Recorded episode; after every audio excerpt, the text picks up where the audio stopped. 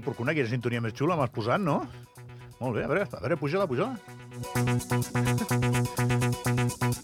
A la, que, a la que em posen... so- Som animals de costums, eh? No? A la que em posen una música nova i, ja, clar, m'han trencat, trencat la rutina i ja hem de tornar a començar el programa. Anem a les 8 del matí.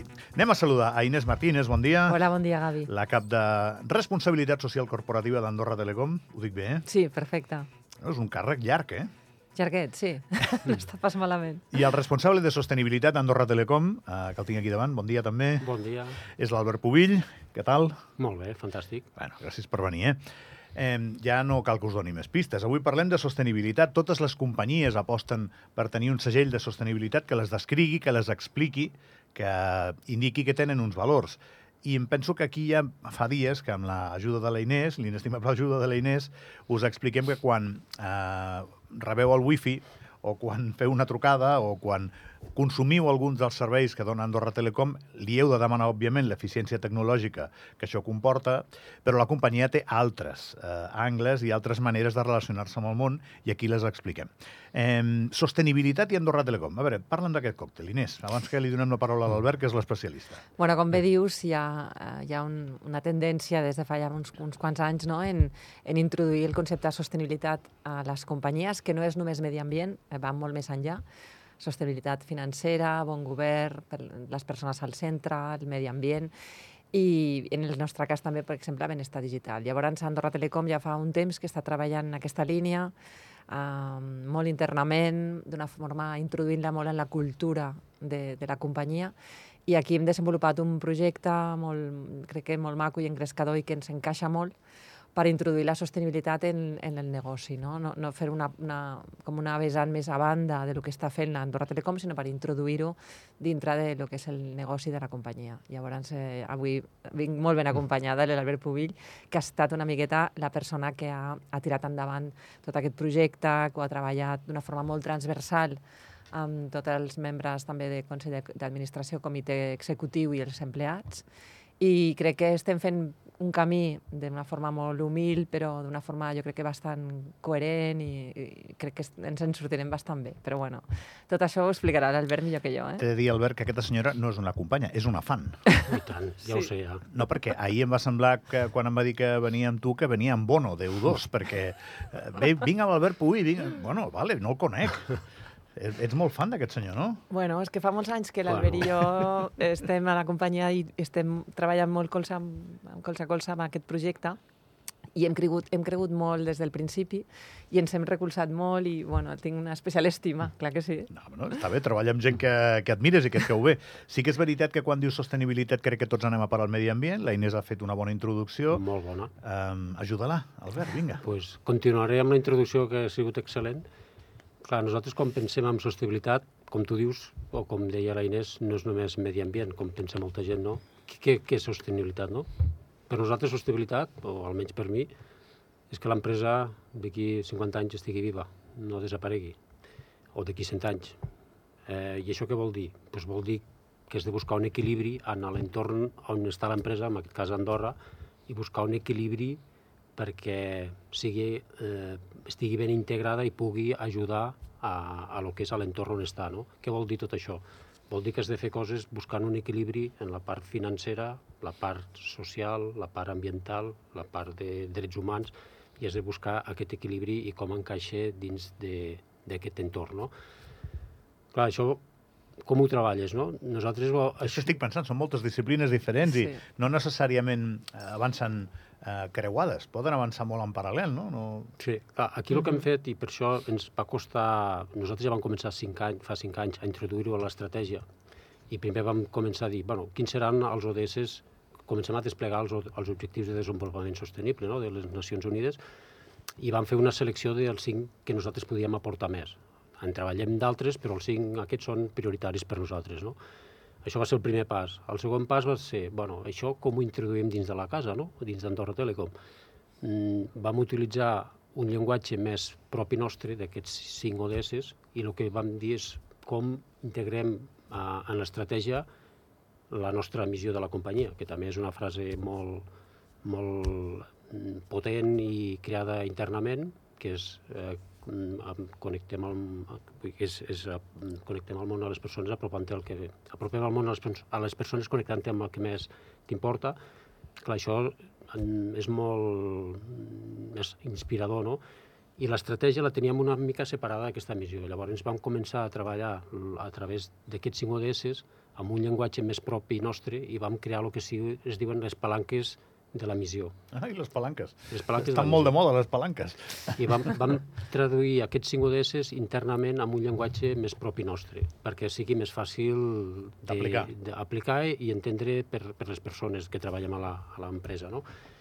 I a partir d'aquí, tot això ho vam anar aterrant, això ho vam començar fa 5 anys, i ara el que hem arribat a aconseguir és que aquestes 5 palanques són el nucli de l'estratègia d'Andorra Telecom, amb la qual hem ficat la sostenibilitat en el nucli de l'estratègia. Les pots mencionar? Sí, són persones al centre, el bon govern, el consum responsable, el benestar digital i la tecnologia sostenible que això està basat en els 5 ODS que tenim prioritaris, que és el bueno, 4, 5... Bueno, els, els ODS costa molt de recordar, però aquestes parauletes, aquestes boletes, és més fàcil de recordar.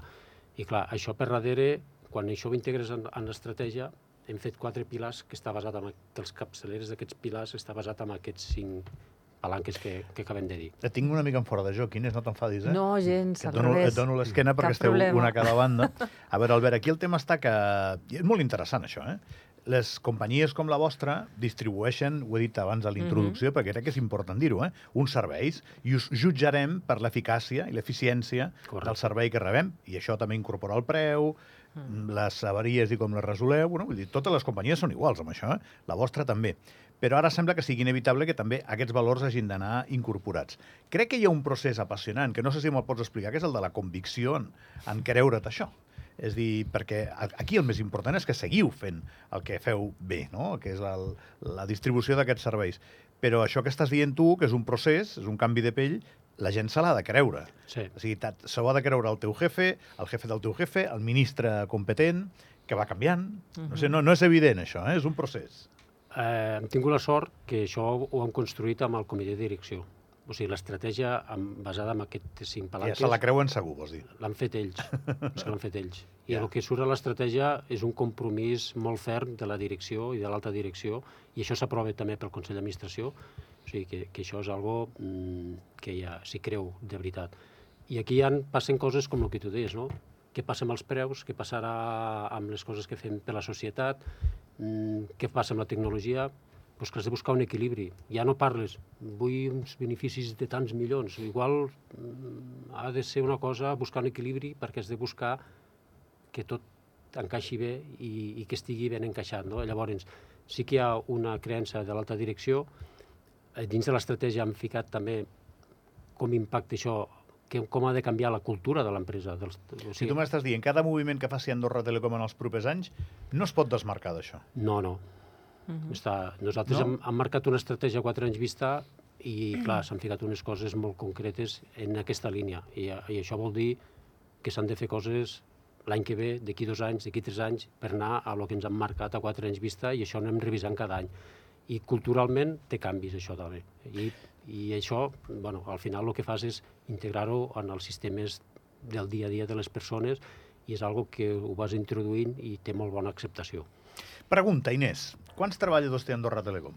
Més o menys. 270, una cosa així. Aquests 270 també s'ho han de creure, això, no?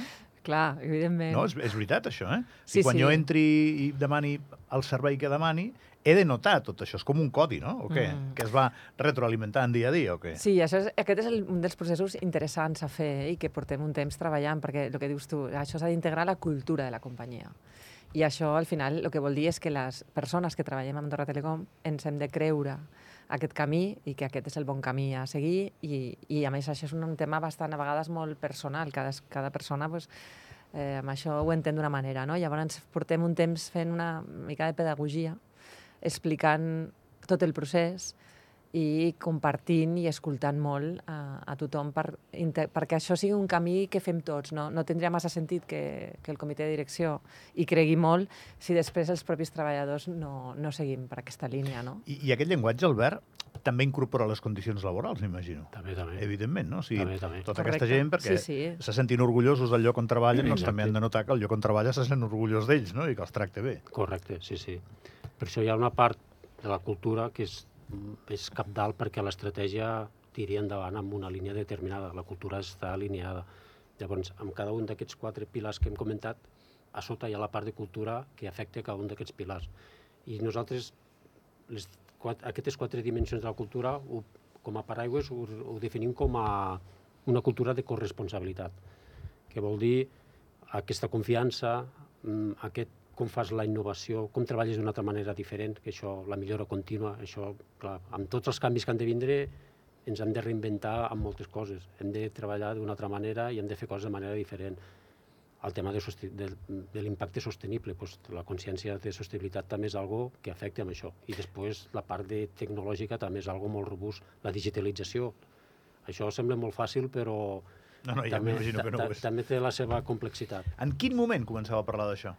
Això comencem, vam començar ja fa 6 o 7 anys amb la part de començar la cultura per la part de confiança, que això ja ho tenim molt, molt, molt madur, i llavors hem anat introduint la, la resta de conceptes. I teniu alguna referència, Inés? Alguna companyia que diguis aquests van molt bé? Anem, anem fent una miqueta de prospecció, eh? de, de companyies que, que ja tenen implementant, que, que funciona bé. El que passa és que bueno, estem a Andorra, cada, és un país que té la seva singularitat, Uh -huh. I aquí és veritat que és una, és una cultura que, que s'està implementant ara, no fa 20 anys, que par, no parlàvem fa 20 anys de sostenibilitat. No? Llavors anem fent camí, ben acompanyats també, perquè de tant en tant doncs, tenim acompanyament o assessorament d'algunes empreses que ja ho estan implementant, però és el nostre pro- propi camí. Al final tu has d'adaptar tot aquest missatge d'aquesta cultura al, al teu business, no? al teu negoci. I bueno, estem en el camí, jo crec que estem en un bon camí.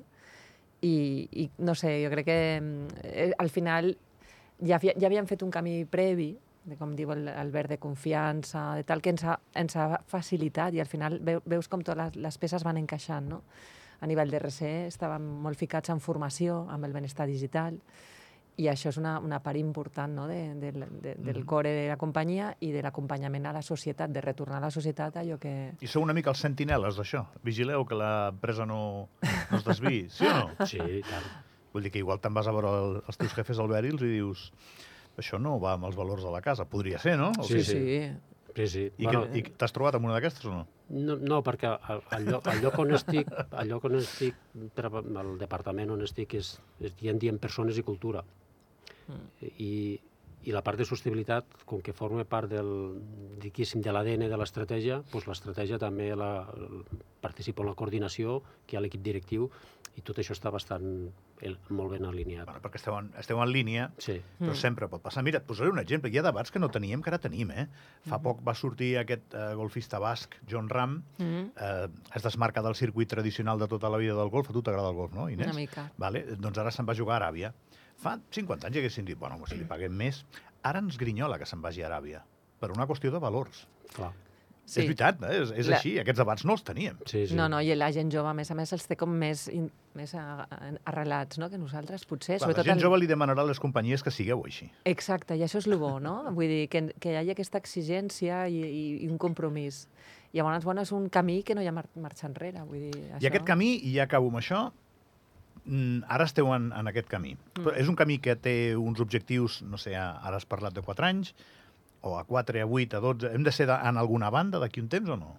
Bueno, ara de moment hem començat a 4 i que això, eh, a nivell de metodologies de treball que tenim, això ho revise, cada any fem aquesta revisió i fem 4 anys. O sigui, ane- anem incrementant un any. O sigui, ara és 2027, l'any que ve, quan ho mirarem, serà 2028, i anem fent sempre 4 anys. De moment ens marquem 4 anys. Anar més enllà és, bueno, mm, és una mica... mm, Canvia tant el món que igual no val la sí. pena, és no? que, igual, igual, és que 4 anys ja és, és molt, molt enllà. Però bueno, està bé perquè tu et marques una fita concreta pensant en la sostenibilitat i pensant en la missió cap a on volem anar i això ens marca molt bé com volem enfocar aquesta estratègia. I, i la part potent és que això s'ha cre s'ha creat amb l'equip directiu. Ells mateixos són els primers que hi creuen. Molt bé, m'he portat bé amb l'Albert, no? Molt bé, molt Creus, bé, Gavi. creus que podrà tornar? Jo espero que sí. Home, i tant. Bueno, de, dependrà de tu, que, que tornis. Ara. Ah, no, i tant que Però sí. si depèn de mi, tornaràs. Co- Coses per explicar... No, i a mi aquest tema m'interessa molt. M'interessa molt perquè em sembla que aquests viratges que fan les empreses no són senzills. No, I no. quan s'observen a través dels anys són molt interessants perquè dius, carai, mira, si ha canviat aquesta companyia, eh? Ha canviat, eh? Realment ho heu aconseguit. Esperem. Bueno, Esperem que, sí, que, es- Esperem. que es palpi això. Ho anirem veient, eh? Inés, gràcies per venir, eh? Gràcies, Gavi. I per portar el teu somriure incorporat, com sempre, veus? Albert, encantat. Igualment. Que vagi molt bé. Moltes gràcies. Nosaltres Un parem un momentet, de seguida us parlo d'una exposició que inauguren aquesta tarda, que val molt la pena. Vinga, fins ara.